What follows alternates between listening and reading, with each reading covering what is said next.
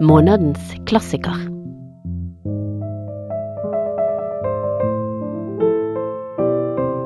En podkast fra Bergen offentlige bibliotek.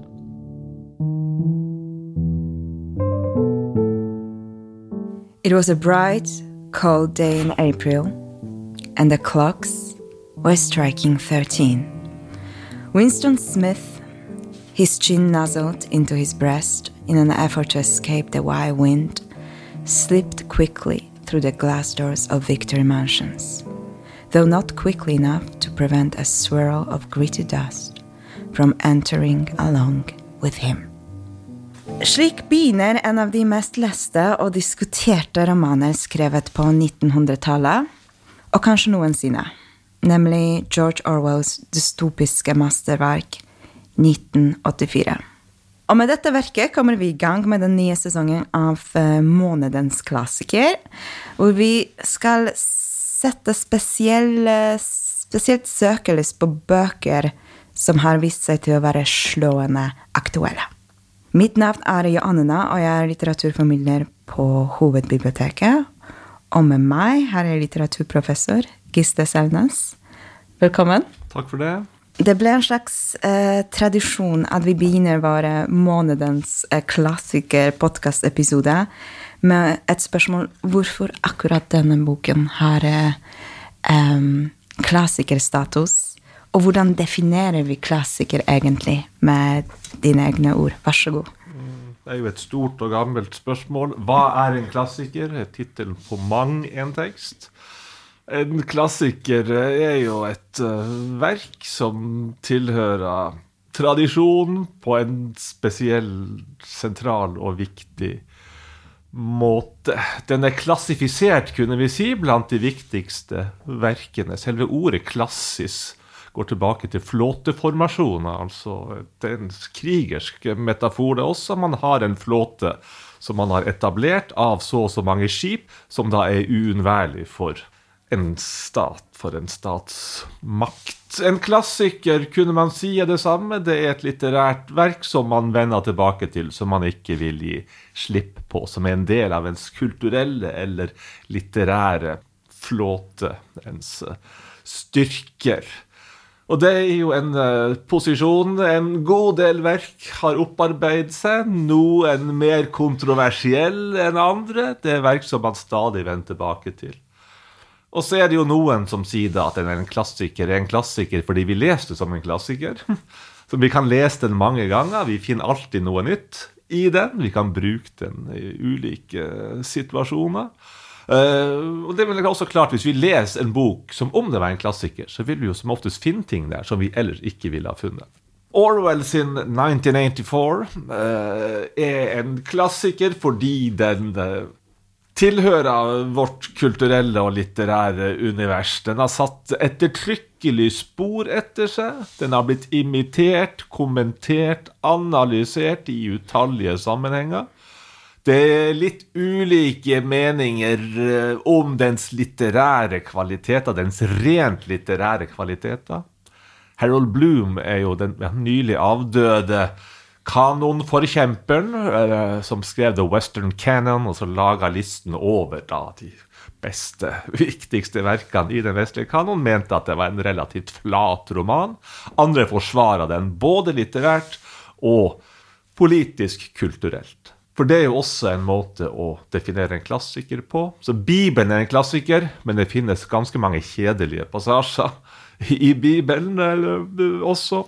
Men vi finner alltid noe der. Og man har jo funnet de mest forskjellige ting til det mest ulike bruksområdet da i 1984. Så det er mer enn grunn god nok til å gjøre den til månedens klassiker, og også diskutere klassikerbegrepet med utgangspunkt i 1984. Nydelig. Du har jo nevnt uh, før at uh, det er ikke bare en bok, det er en kulturfenomen. Det er også det ordet jeg brukte når jeg skrev en introduksjonsessay til 1984, som finnes på hjemsiden uh, vår. Men før vi hopper til selve boken og til plottet og hva 1984 egentlig handler om, og hvordan kan det tolkes og omtolkes og diskuteres, så må vi si noen ord om George Orwell. Han het jo ikke George Orwell. Eh, han het Arthur Eric Blur. Kan du fortelle oss litt om forfatter? Ja. Eh, han er jo i veldig stor grad kjent som forfatter av 1984. Mm. Eh, nok en grunn til å si at her har vi klassikeren. Selv om han har et eh, ja, ikke ubetydelig forfatterskap når det gjelder memoarer, romaner og essays, artikler. Han var journalist i tillegg. Han er født i Bengal, India. Han hadde en far som jobba for det britiske imperiet, men da vokste opp igjen i Oxford-området, Oxfordshire-området i England.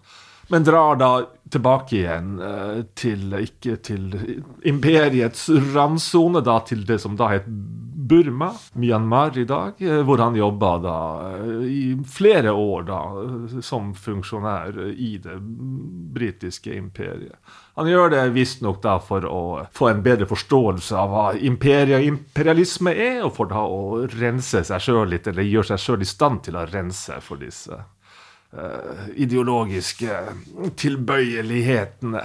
Han er et politisk menneske. Han er det som man kaller gjerne for en demokratisk sosialist. Han kaller seg sjøl for det i veldig mange sammenhenger. Og han uh, får en ja, politisk bevissthet ganske klart relativt tidlig. Det skriver han det også om i Why I Write, et ganske kjent essay av ham da at vel, Til å begynne med så kunne han kanskje se for seg en liv som forfatter av mer eller mindre naturalistiske, realistiske romaner, som den første han skrev, som heter 'Burmese Days', en roman basert på hans erfaringer fra Myanmar-Burma.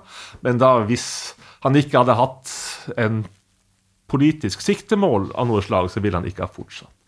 Han er aktiv politisk, særlig da i forbindelse med den spanske borgerkrigen. Han verva seg som soldat, sjøl om han jo ikke er noen stor holdt jeg på å si, gresk hero, eh, episk helt.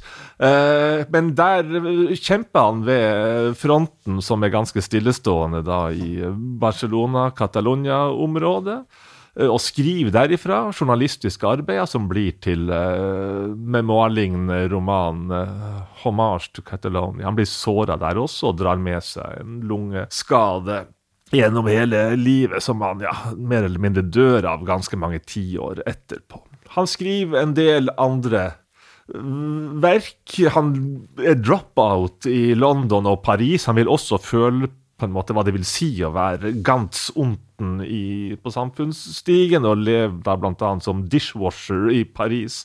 Så oppvask i hjelp og blant uh, utskudd tramps i London. Og skriv om det i sitt memoarverk 'Down and Out in Paris and London'. Vel, OK, vi kan ikke gå gjennom absolutt alt det mm. han har skrevet, men la oss si da at når krigen kommer, så er han politisk engasjert også. Han er antifascist på sin hals, antinazist, men da også veldig klar over farene som truer østfra med stalinisme. Han er litt aktiv i motstandsbevegelsen, eller sivilforsvaret, det er riktigere å si, i London under andre verdenskrig. Han jobba da også for informasjonsdepartementet i radio og sendt propagandalignende program, eh, radiokåseri, som de mynta på India først og fremst. De har et indisk publikum. Rett etter krigen skriver han først 'Animal Farm', som nok er det andre verket som eh, har ja, oppnådd en eh, populær kulturell status, altså en fabellignende fortelling om livet på Joes bondegård, som da blir eh, kuppa i en revolusjon av dyrene på farmen, omdøpt til Animal Farm. Og så følger vi da utviklinga av denne revolusjonen på en måte som da helt klart har den russiske revolusjonen som sitt forelegg. Så kommer da like før han dør, i 1949, denne romanen som vi, eller du, Johanne, har plukka ut, 1984. Eh, og så dør da uh, Orwell uh, året etter, i 1950. Han var født i 1903 for øvrig, så han døde jo da før han bikka 50, men relativt uh, nedbrutt fysisk sett. Ja, jeg synes det er veldig viktig, og Tusen takk for en god oppsummering, forresten. Men jeg synes det er veldig viktig det du nevnte med det politiske. ikke sant? Det kommer tilbake i alle hans verk. Enten vi snakker om essayer eller Animal Farm, Road to Vegan Pø, journalisme, og kommer til en slags kulminasjon i 1984, som er hans siste roman. Han ble kritisert for blant annet skriver quote, a political thoughts in a disguise as a novel. Og når vi er i 1984, så må vi snakke litt om ja, Hva handler den boka om, egentlig? Ja, vi har jo hørt åpningsavsnittet.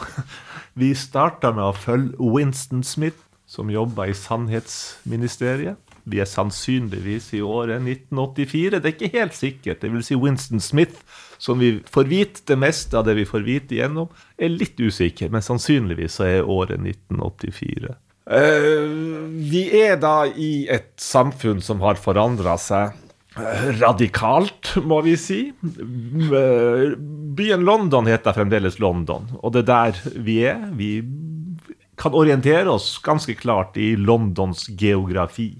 Eh, men eh, politisk, ideologisk, er det veldig mye som har skjedd. Det er et ettpartistat, dette, som eh, Ja, Ingsok er forkortelsen for partiet, som skulle være sånn English Socialist Party, som da har all makt, da særlig den øverste delen av partiet som eh, ja, er uh, untouchable. Så de kan man uh, ikke få gjort noe med. De ledes da av en big brother, som er en ufeilbarlig figur, som vi da kjenner fra mange avbildninger og fra dagligspråk etter hvert. Det er plakat av han overalt. Men det er litt usikkert om han faktisk finnes eller ikke. Men han er nå der som maktens ansikt utad. Winston Smith jobba da i dette partiapparatet, dvs. Si som funksjonær i Sannhetsministeriet, og han driver da hovedsakelig med å fikse på fortiden. For det er jo sånn at vel, at den som har makt over Nåtiden har makt over fremtiden, sies det, og den som har makt over fortiden, har makt over nåtiden. Så det som eh, er hans oppgave innenfor dette sannhetsministeriet, det er å endre fortiden sånn at den stemmer overens med det som partiet og storebror til enhver tid har sagt. Så hvis det viser seg at storebror, Big Brother, har gjort en vurdering av noen som da etterpå ikke fins, så må de slettes ifra arkivene. og Det vil si fra avis og kartotek og arkiv av alle slag. Så gamle aviser fikses på, destrueres og trykkes opp i nye opplag hele veien. Og det er særlig det som er oppgaven til Winston Smith. Men han er en dissident. Han er en politisk avviker. Han eh, har ingen kjærlighet til Big Brother, hvilket man skal ha, og man, han tror ikke på partiets ideologi. Så det vi ser helt i begynnelsen, da, det er hvordan Winston Smith begynner å skrive en dagbok. Han har kjøpt en dagbok, en pikedagbok nærmest, i et gammelt antikvariat i utkanten av London. Og så starta han helt i begynnelsen med å skrive i denne dagboka si. Og det må han gjøre da i en liten krok av den lille leiligheten sin i Victory Mansions vi har sånne tydelige, nærmest stalinistisk, nazistiske navn på absolutt alt som ikke funka. Om det er gin eller sigaretter, har Victory. Victory gin og Victory cigarettes. Men i alle fall, der man sitter i en krok fordi at i hvert rom, i hver lille leilighet, så finnes det et TV-apparat som heter et toveis TV-apparat. der det er både et overvåkningskamera med mikrofoner og da en skjerm som eh, kobler hver enkelt innafor uh, det lavere segmentet av partiet, riktignok, de er overvåka på den måten. Så der må han sitte i en krok hvor han vet at han ikke blir sett, og så skriver han da sine opprørske tanker. Vel, ok. Det som utspiller seg gjennom romanen, det er hvordan opprøret vokser i Winston Smith.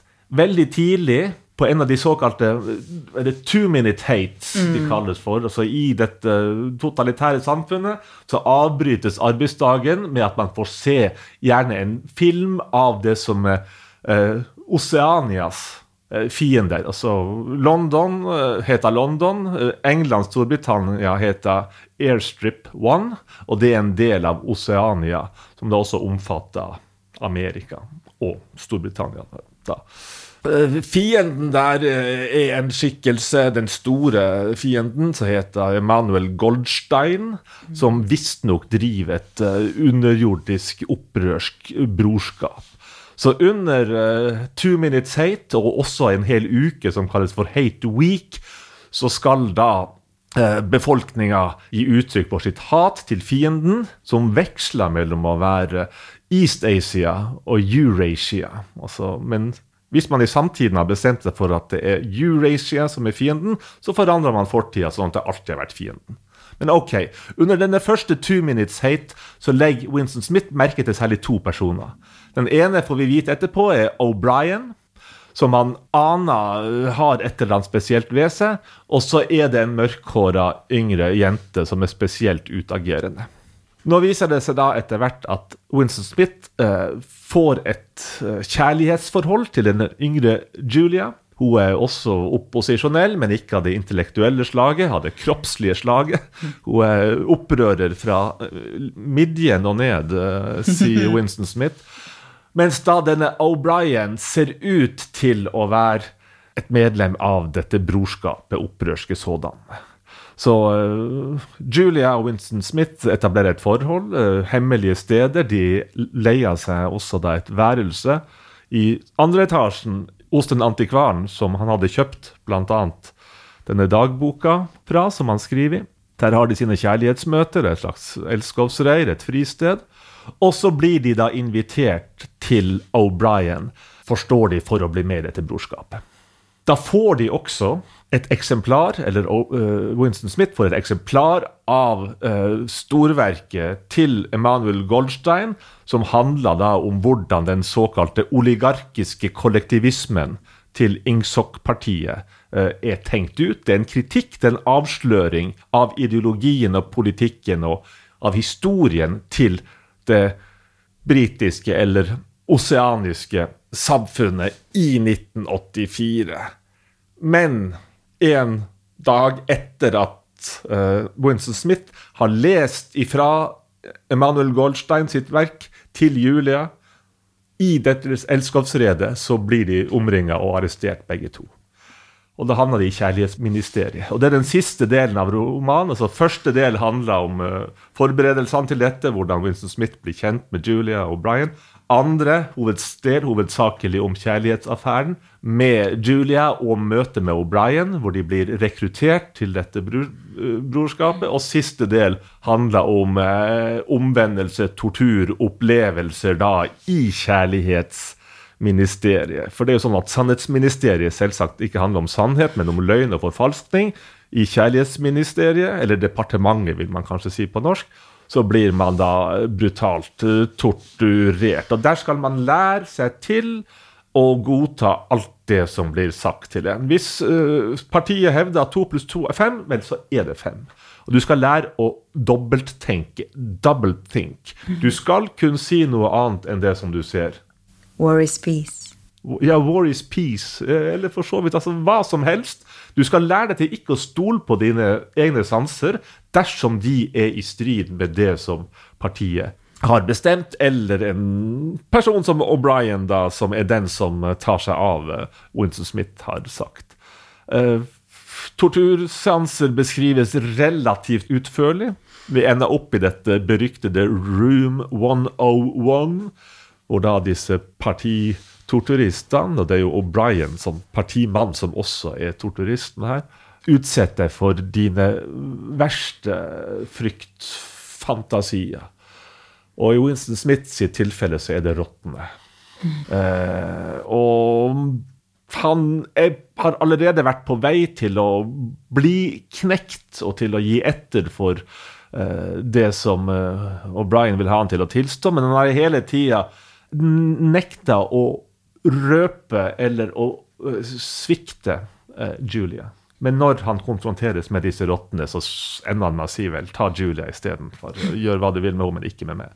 Mm. Så da er han definitivt brutt ned. Da vet han også at han vil bli henretta. Det blir alle dissidenter som har blitt tatt, også etter at de har omvendt seg, men han får leve sånn litt på ubestemt tid. En eller annen dag så vil han bli skutt.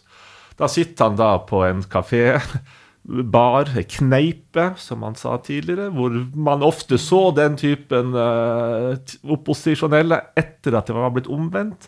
Han har vært småalkoholisert hele veien, og da sitter han og drikker sin uh, bitre gin og tenker litt uh, tilbake. Vi får også et tilbakeblikk på hvordan han en gang i ettertid har møtt Julia igjen. Mm. Og de har da på en måte begge sveket den andre. De føler ingen uh, attrå, står det i den første norske oversettelsen. Ingen begjær, mm. fysisk tiltrekning lenger. Så aller siste setning før appendikset, som sånn, sånn hale Eh, viser da eh, Winston Smith, som sitter her eh, ganske eh, alene i en krok og ganske neddopa eh, av dårlig gin, og hører på telescreen og sier da vel at tenker med seg sjøl at han elsker storebror.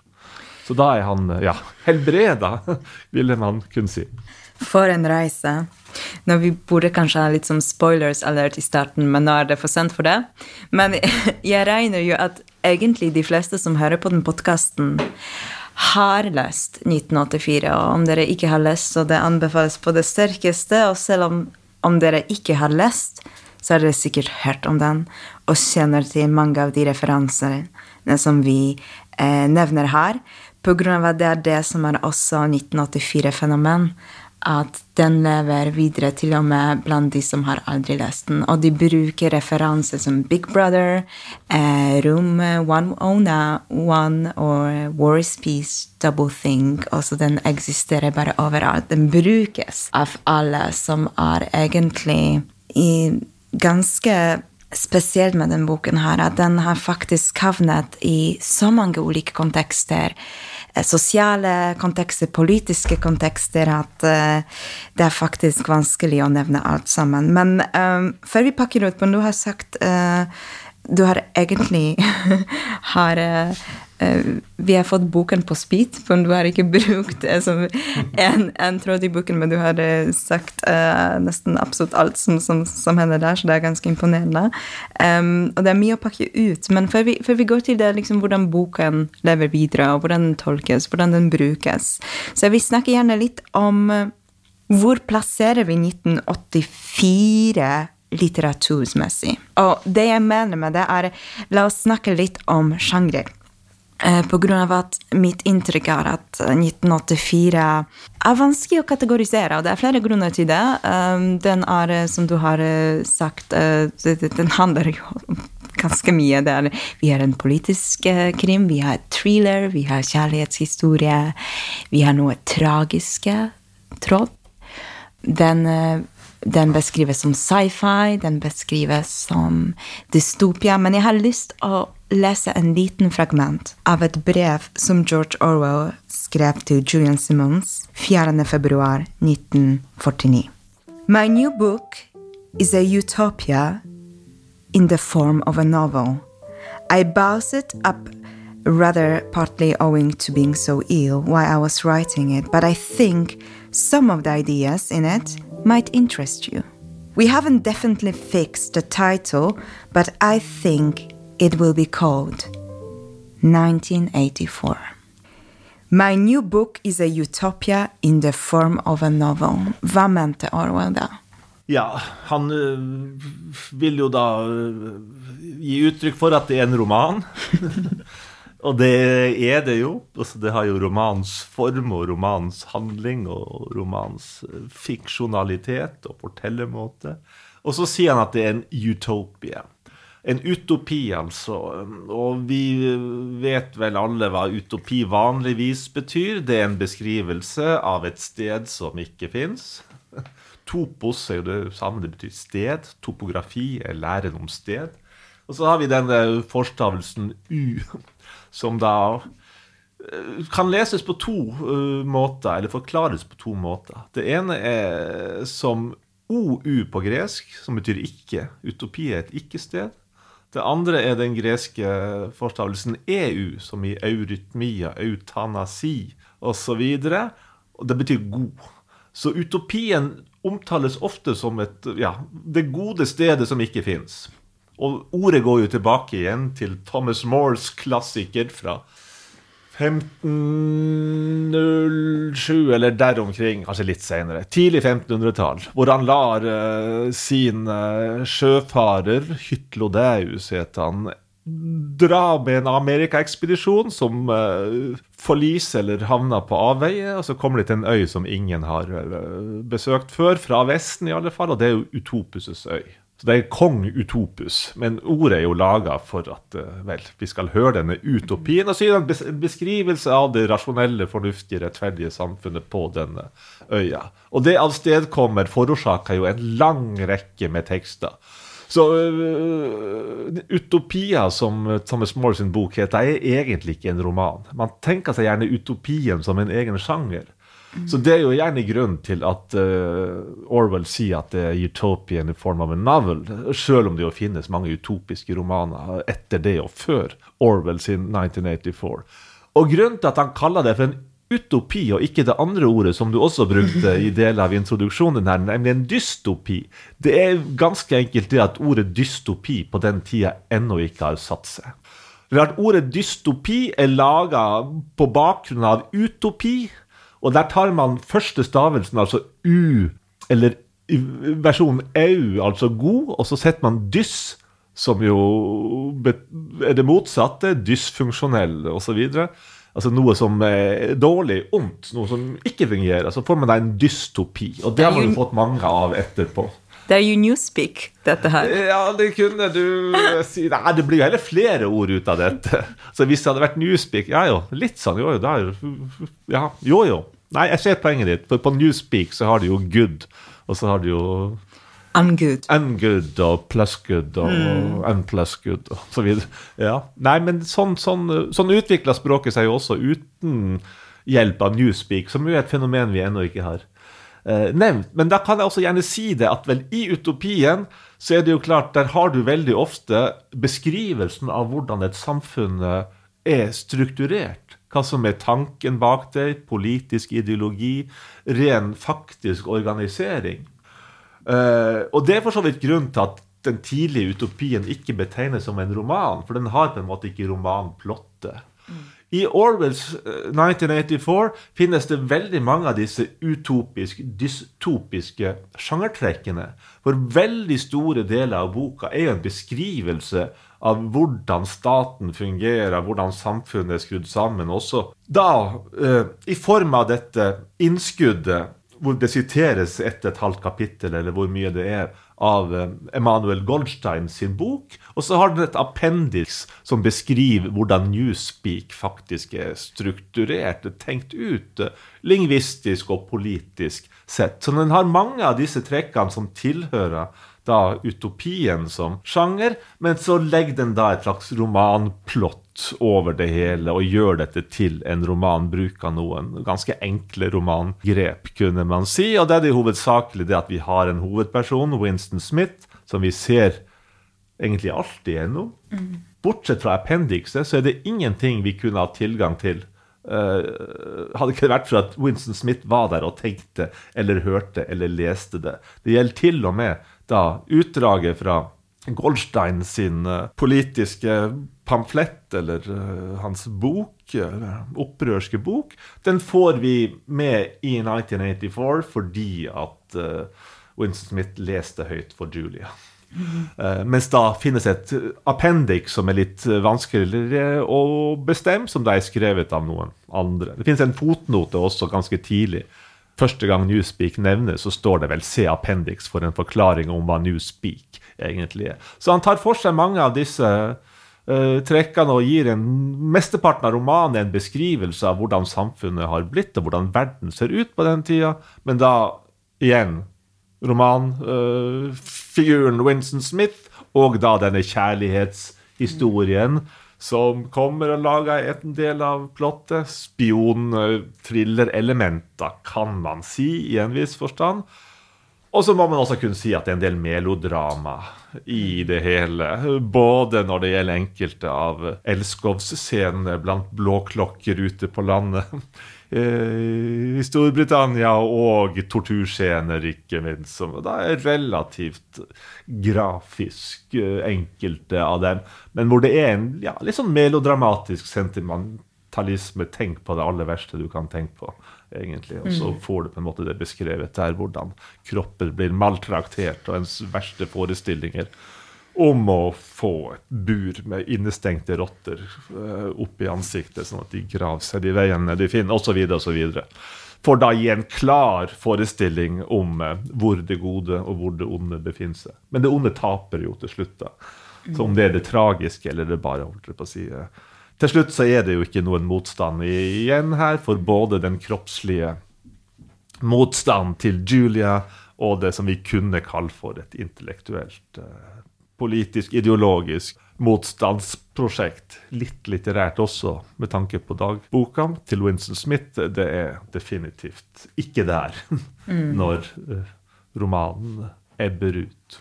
Ja. Jeg er ganske nysgjerrig på det med um, dystopia og utopia. Du har nevnt at dystopia som en sjanger Jeg vet ikke helt om vi um, det Kanskje du kan forklare oss om dystopia er en sjanger? Er det en motiv? Er det en stemning? Er det beskrivelse? Og kan vi spore hvor, hvor i liksom litteraturhistorien begynte vi å snakke om dystopier? Eller dystopiske romaner? Kan vi Ja, det er relativt seint, uh, tror jeg. Så igjen så, så så grunnen til at uh, George Orwell bruker utopia og ikke dystopia, er nok at ordet da ikke har har satt seg ordentlig, og det fantes en del alternativer da, til uh, utopia før dystopia, altså atopia, eller hva det var for noe man brukte. Men så om det er en sjanger eller ikke, det er jo et uh, teoretisk spørsmål. For hva er en sjanger? Det har mm. mange flere svar enn spørsmålet hva er en klassiker. så det er jo en litterær form. Og hvis utopia, utopien er en sjanger, så kunne man kanskje si at dystopien er en undersjanger av av uh, utopien. Altså, men er science fiction er det en sjanger? Ok, vel da er også muligens dystopien en undersjanger av sjangeren. Det er ikke sånn at det finnes så en gang var det gjerne sånn at det fantes så og så mange sjangre. Du hadde tragedie, du hadde komedie, du hadde epos. Du hadde lyrikk i en viss forstand, for å si det veldig enkelt. Men det er lenge siden uh, ting så uh, sånn ut, og det er mange gode litteraturhistoriske grunner til det. Uh, som vi ikke skal gå inn på her. Men jeg tror Jeg vil si vel Ja, OK, jeg tror så Dystopien er i alle fall en form som vi kan kjenne igjen. Et alternativ til sjanger vil også være å si en modus. Mm. Som fanger litt av det formmessige og litt av det stemningsmessige i et sånt uh, system som, som, det. Men uh, det er jo ingen grunn til ikke å bruke et begrep som dystopi, for de fleste, både sci-fi-elskere og ja, litterært interesserte, forbinder noe, noe, med det. Så det gir en ganske grei beskrivelse av det. og vel, Det er en fremtidsvisjon, kunne vi også si, men det er en fremtidsvisjon av det negative slaget. Og Det er også noe litt spesielt, kanskje, med dystopien. Uh, utopien er jo ikke nødvendigvis lagt til fremtiden. Altså, Thomas More sin mm. Utopia uh, var jo da et st uoppdaget sted på, uh, i den andre hemisfæren. det er litt sånn, faktisk. Leste du Utopia Thomas More. Så det, hvis Sør-Amerika ikke hadde eksistert, så ville Utopia ha, Utopia ha ligget der. Men så er det også en tendens da også i reisebeskrivelser fra det nye Amerika, den nye verden, å beskrive den som om det var en lysende Uh, lykkelig verden der vel uh, holdt jeg på å si, kulturens plager og ubehag i sivilisasjonen ikke fantes. Så det er som tendenser til det samme som uh, Utopia bygger på. Vi har jo da uh, Potu hos uh, Holberg i Nils Klims reise. Det er jo da også utopi baklengs. Men da en, hvis du drar inn gjennom Maremineholdet her ved Rotthaugen, så havna du kanskje Der er det også en samtidig et slags parallelt univers. Men da dystopien er som oftest plassert da, i framtiden. Og det er jo det som sikkert gjør da at vel sci-fi parallellene også ofte, ofte trekkes.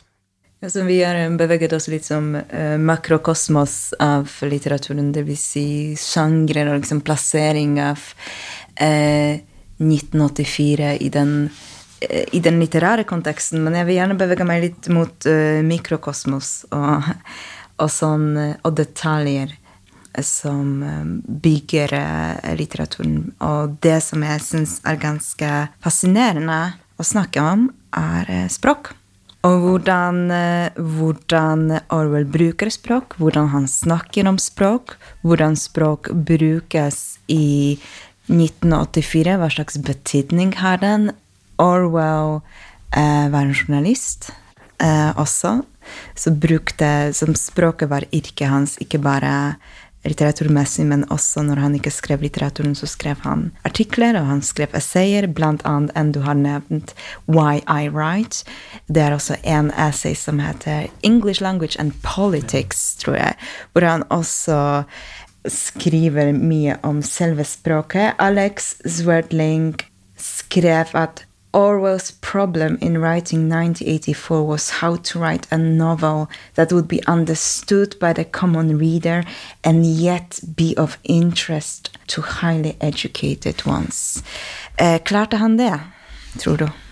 Ja, det må man jo kunne eh, si. Altså, men det snakkes jo altså, om 1984, eh, om Orwell eh, både i sosiale medier, over en lav sko og fremdeles på universiteter osv.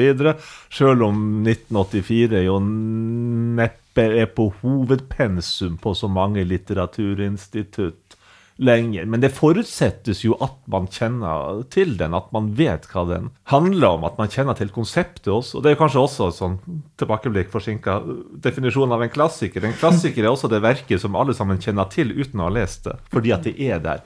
Uh, likevel men det er, jo delte meninger om hvor vellykka dette er litterært. Eh, Orwell, du siterte jo det også, mente jo sjøl at han hadde på en måte kjørt det. Det var en interessant idé, men han kjørte den litt i grøfta. Men han mente jo at det meste at han gjorde, ble kjørt i, i grøfta. Han var en sånn pessimist uh, av natur, men en, en velformulert uh, pessimist også. Det er klart, det er jo en ganske dyster uh, roman, dette. Og de fleste romanene, eller bøkene til Orwell eh, har jo en litt sånn uh, smådeprimert, uh, resignert hovedperson som da ikke helt får ting til å stemme.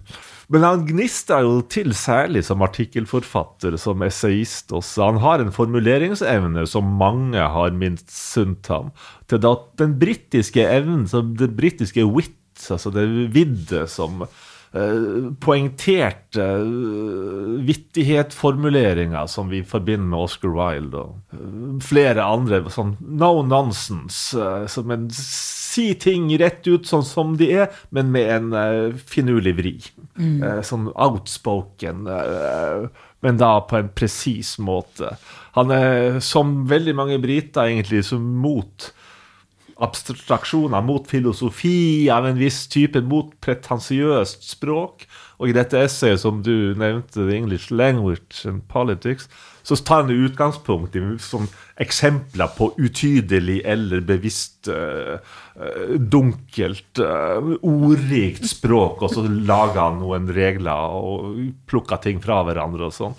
Uh, så han, han, er en språkbevisst forfatter. Det er jo vanskelig å være forfatter uten å være språkbevisst, selvsagt. Personlig syns jeg jo han stilistisk sett at han lykkes eh, best i noen av sine essays. Eh, også med sin politiske retorikk som fungerer, og analyser også. Jeg vil trekke fram eh, The Lion and the Unicorn, som er en analyse av den britiske folkesjelen, og hvordan den skulle kunne omvendes til den demokratiske sosialismen, er noe som eh, flere burde lese. Kanskje det første boka man burde kunne lese. Veldig overkommelig, ganske kort bok. Eh, etter eh, man har lest på nytt 1984. Og så er det jo også denne språkbevisstheten da i form av uh, Newspeak, eller nytale, sier man jo gjerne på norsk også.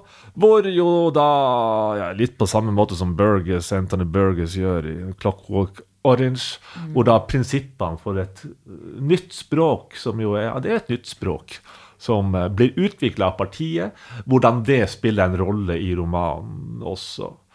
Og vi får da beskrevet så Egentlig så er hele poenget med Newspeak er å ødelegge språket. Ødelegge Oldspeak er det som er prosjektet med Newspeak.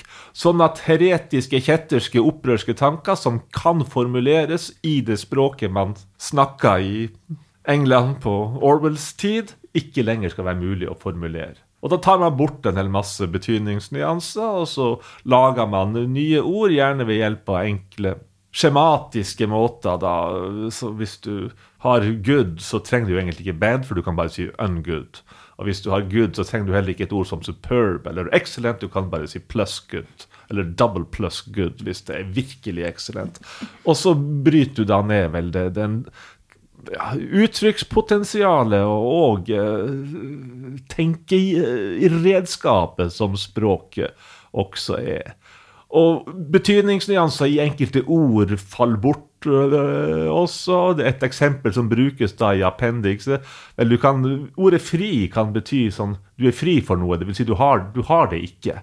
Men fri i betydning av freedom, altså det å være fri til å gjøre noe, fri fra tvang, det, det finnes ikke lenger. Det bare blir uh, tatt ut av ordboka. Det kommer nye utgaver av ordbøkene, Newspeak-ordbøkene.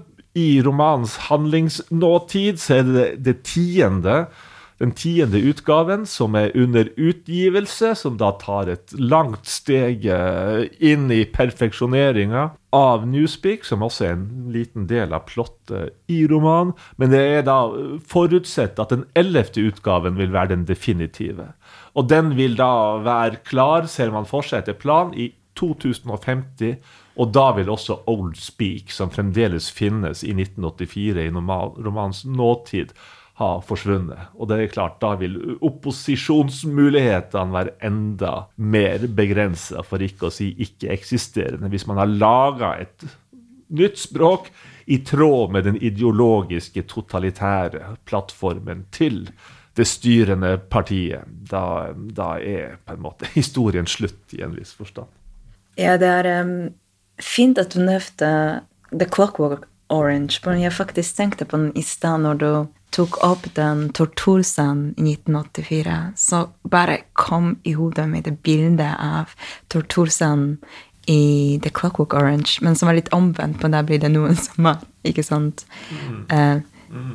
evil, eller liksom ond, skal liksom skapes, skal renses gjennom tortur, eller uh, ja tilbakestilles på et eller annet måte.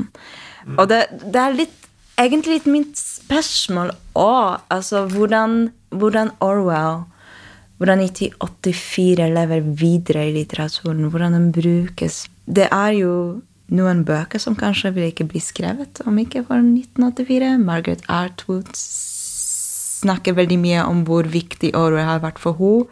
Den er jo en ganske som The Jevil in the Crown av sci-fi. Altså, den, den, lever videre på mange måter. Kan du si noe mer om hvordan den har påvirket litteraturen? Hva synes du om det egentlig?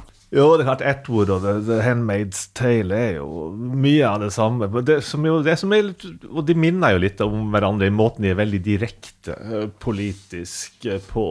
Og det er klart, litteraturen på verdensbasis, eller bare sånn i den vestlige delen av verden, er jo enorm. Det skrives jo mm. enormt mye av veldig mye forskjellig, både kvalitets- og sjangermessig. Eh, nasjonalspråkmessig også, så det er klart eh, Også innenfor litteraturen så er det definitivt det har det vært eh, en tradisjon som har plukka opp George Orwell men jeg vil jo egentlig si at han er mer til stede sånn i kulturen som en mm. referanse, deler av dette.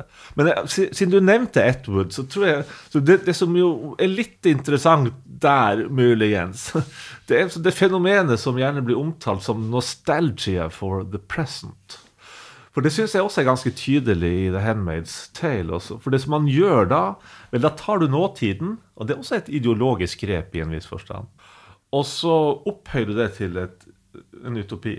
Mm. Og så forestiller du deg en fremtidig tilstand hvor den ikke finnes. Sånn at du kan se tilbake fra fremtiden på din egen samtid mm. i et uh, veldig lyst og mildt mm. skjær. Så vel, her er det både kunne vi si, en advarsel mot uh, tendenser som vi kan se i samtiden, ved kvinneundertrykkelse osv., som kanskje har blitt eh, enda mer aktualisert i forbindelse med, med abortlovgivning og sånn, men som jo vel for så vidt uh, ikke innafor det segmentet som vi befinner oss, og som Margaret Edmund befant seg innenfor, var en sånn overhengende fare, egentlig. Så da tar du, forstørrer du på en måte en litt sånn ideologisk frykt Eh, og så projiserer du den frem i tid, og så ser du tilbake på din egen samtid som om den var en utopi. Og Orwell gjør jo mye av det samme. Men han tar jo da noen tendenser fra fascismen og fra stalinismen eh, særlig. Sjansen for at London, Storbritannia, skulle bli totalitært i en sånn blanding av fascisme og stalinisme i 1948, var jo ikke akkurat overhengende. Altså, man hadde vunnet krigen, og man hadde vel la, grunnlaget for en demokratisk utvikling, og det er klart Uh, så, men likevel så får vi da uh, fortalt en historie hvor det bare noen få tiår, under fire tiår, Eh, etter eh, nåtiden for skrivinga av romanen, har fått et gjennomtotalitært mm. samfunn. Og ganske mye av handlinga hos Orwell er jo da også et tilbakeblikk på den fortida som er i ferd med å forsvinne. Den er jo ikke bare rosenrød, men det som finnes da av positive lysglimt, er noe som er forbundet i veldig stor grad med fortiden. Men klart, ja, samme tendenser finnes innenfor ja, filmverden, innenfor romaner av ulike slag. Det kanskje Særlig disse postapokalyptisk lignende filmene. Uh, Brazil av uh, Terry Gilliam er jo kanskje mm. den som ligger nærmest på uh, 1984, med unntak av de rene mm. filmatiseringene av 1984. 'Children of Men', yeah. også. Den typen Uh, ja, filmer som man gjerne kaller for dystopier, mm. henter veldig ofte elementer fra uh, 1984. Uh, ja, det, vi nærmer oss dessverre slutten. Man, man, og det viser bare hvor mye man kan si om den boken om Orwell og uh, hvordan eh, Orwells testament uh, lever videre. Og vi har ikke nevnt engang mye av det politiske og hvordan referanser til Orwell enn selve det adjektivet Orwellian, Orwellian lever videre. Men vi har en panelsamtale neste uke, 21. september, hvor vi skal snakke enda mer om aktualisering av Orwell. Men det, jeg vil gjerne avslutte med det som du har nevnt uh, lite grann, nemlig det med prognose. Og hvordan også 1984 er lest som en uh, varsel. En slags veldig sånn pessimistisk og håpløs eh, kjølevane etter andre verdenskrig, men en slags prognose, en slags oppskrift på alt som kan gå til helvete. Eh, men eh, Og jeg vet at du har også hatt noen meninger om Vi snakket litt grann på forhånd, og du sa at Orwell bommet litt. Ja. så jeg, jeg vil gjerne kanskje vi avslutter med det.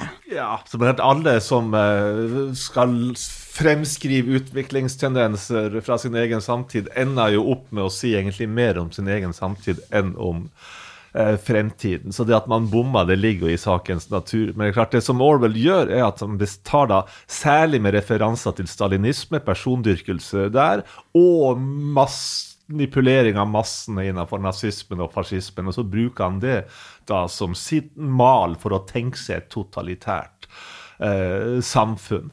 Men det som han jo ikke får has på, egentlig, det er jo den måten overvåkningssamfunnet faktisk har blitt realisert i Vesten på i dag. Eh, den typen eh, TV-skjermer som går igjen gjennom hele 1984, som da både er et ansikt innad i ditt eget hjem og en avlyttingsmekanisme, apparat, det finnes jo i dag. Uh, mye mer sofistikert enn det de gjorde i østblokken uh, under uh, realsosialismen, eller den såkalte kommunismen. Men det er da manipulert. Av enormt mektige, ikke-synlige eh, overvåkningsorganisasjoner, hemmelige organisasjoner.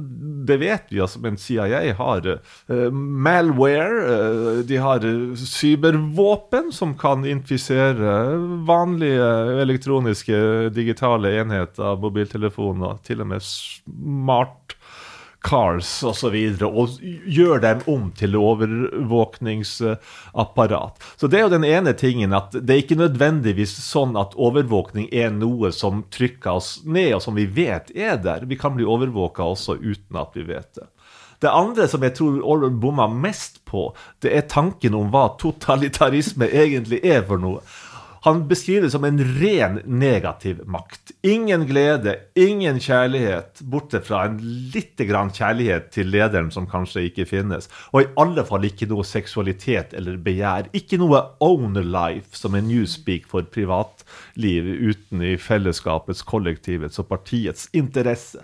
Men jeg tror at totalitære samfunn, det gjelder Hitler og Tyskland, og det gjelder eh, delvis eh, det dysfunksjonelle Stalin, Sovjetunionen også, er nødt til å spille, og spiller alltid på drifter og begjær og ønsker og positive tanker. Hvis ikke du har det, og hvis du bare har den typen organisasjoner som man nevner her, du har sånn, hva er det for noe, den ungdomsbrigaden mot antisex Antisex-brigaden. Men man skal være fullstendig pur, fullstendig ren. Sånn er det ikke makta virkelig fungerer på. Makta bruker også den energien som ligger i begjær, som ligger i seksualitet, som ligger i sexappeal.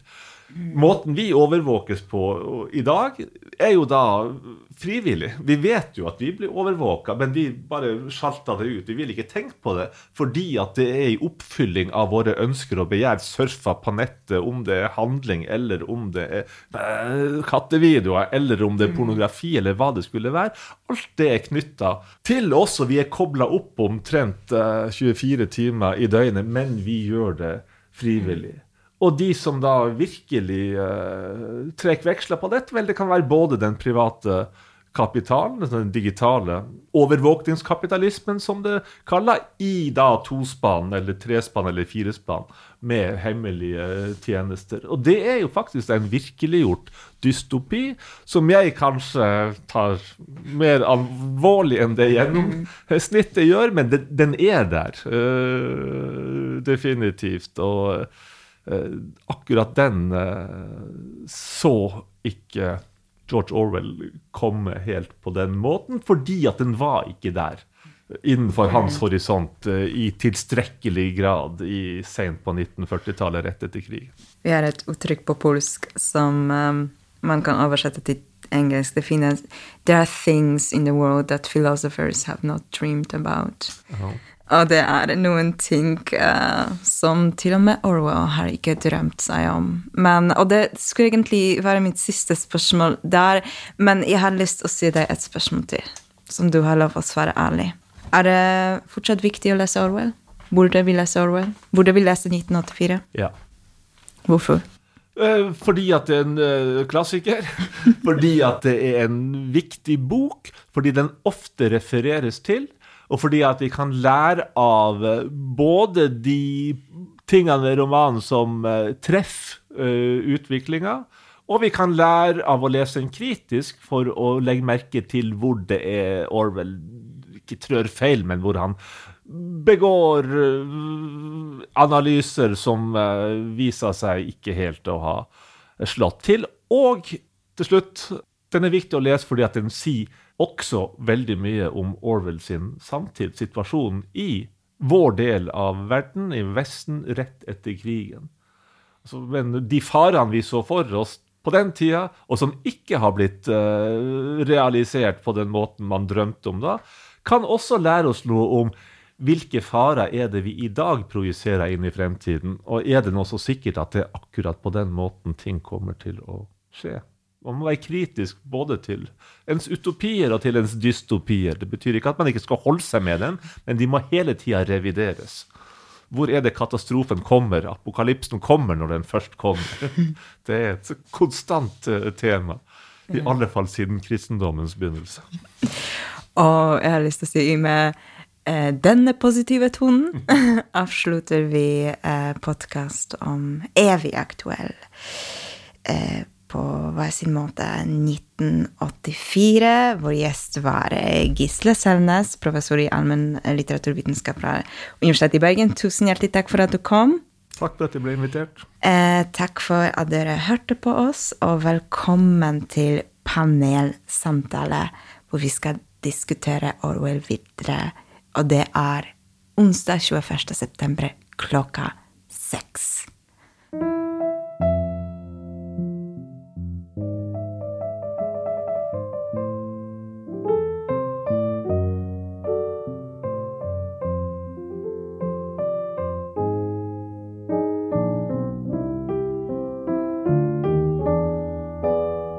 Har lytta til en podkast fra Bergen offentlige bibliotek.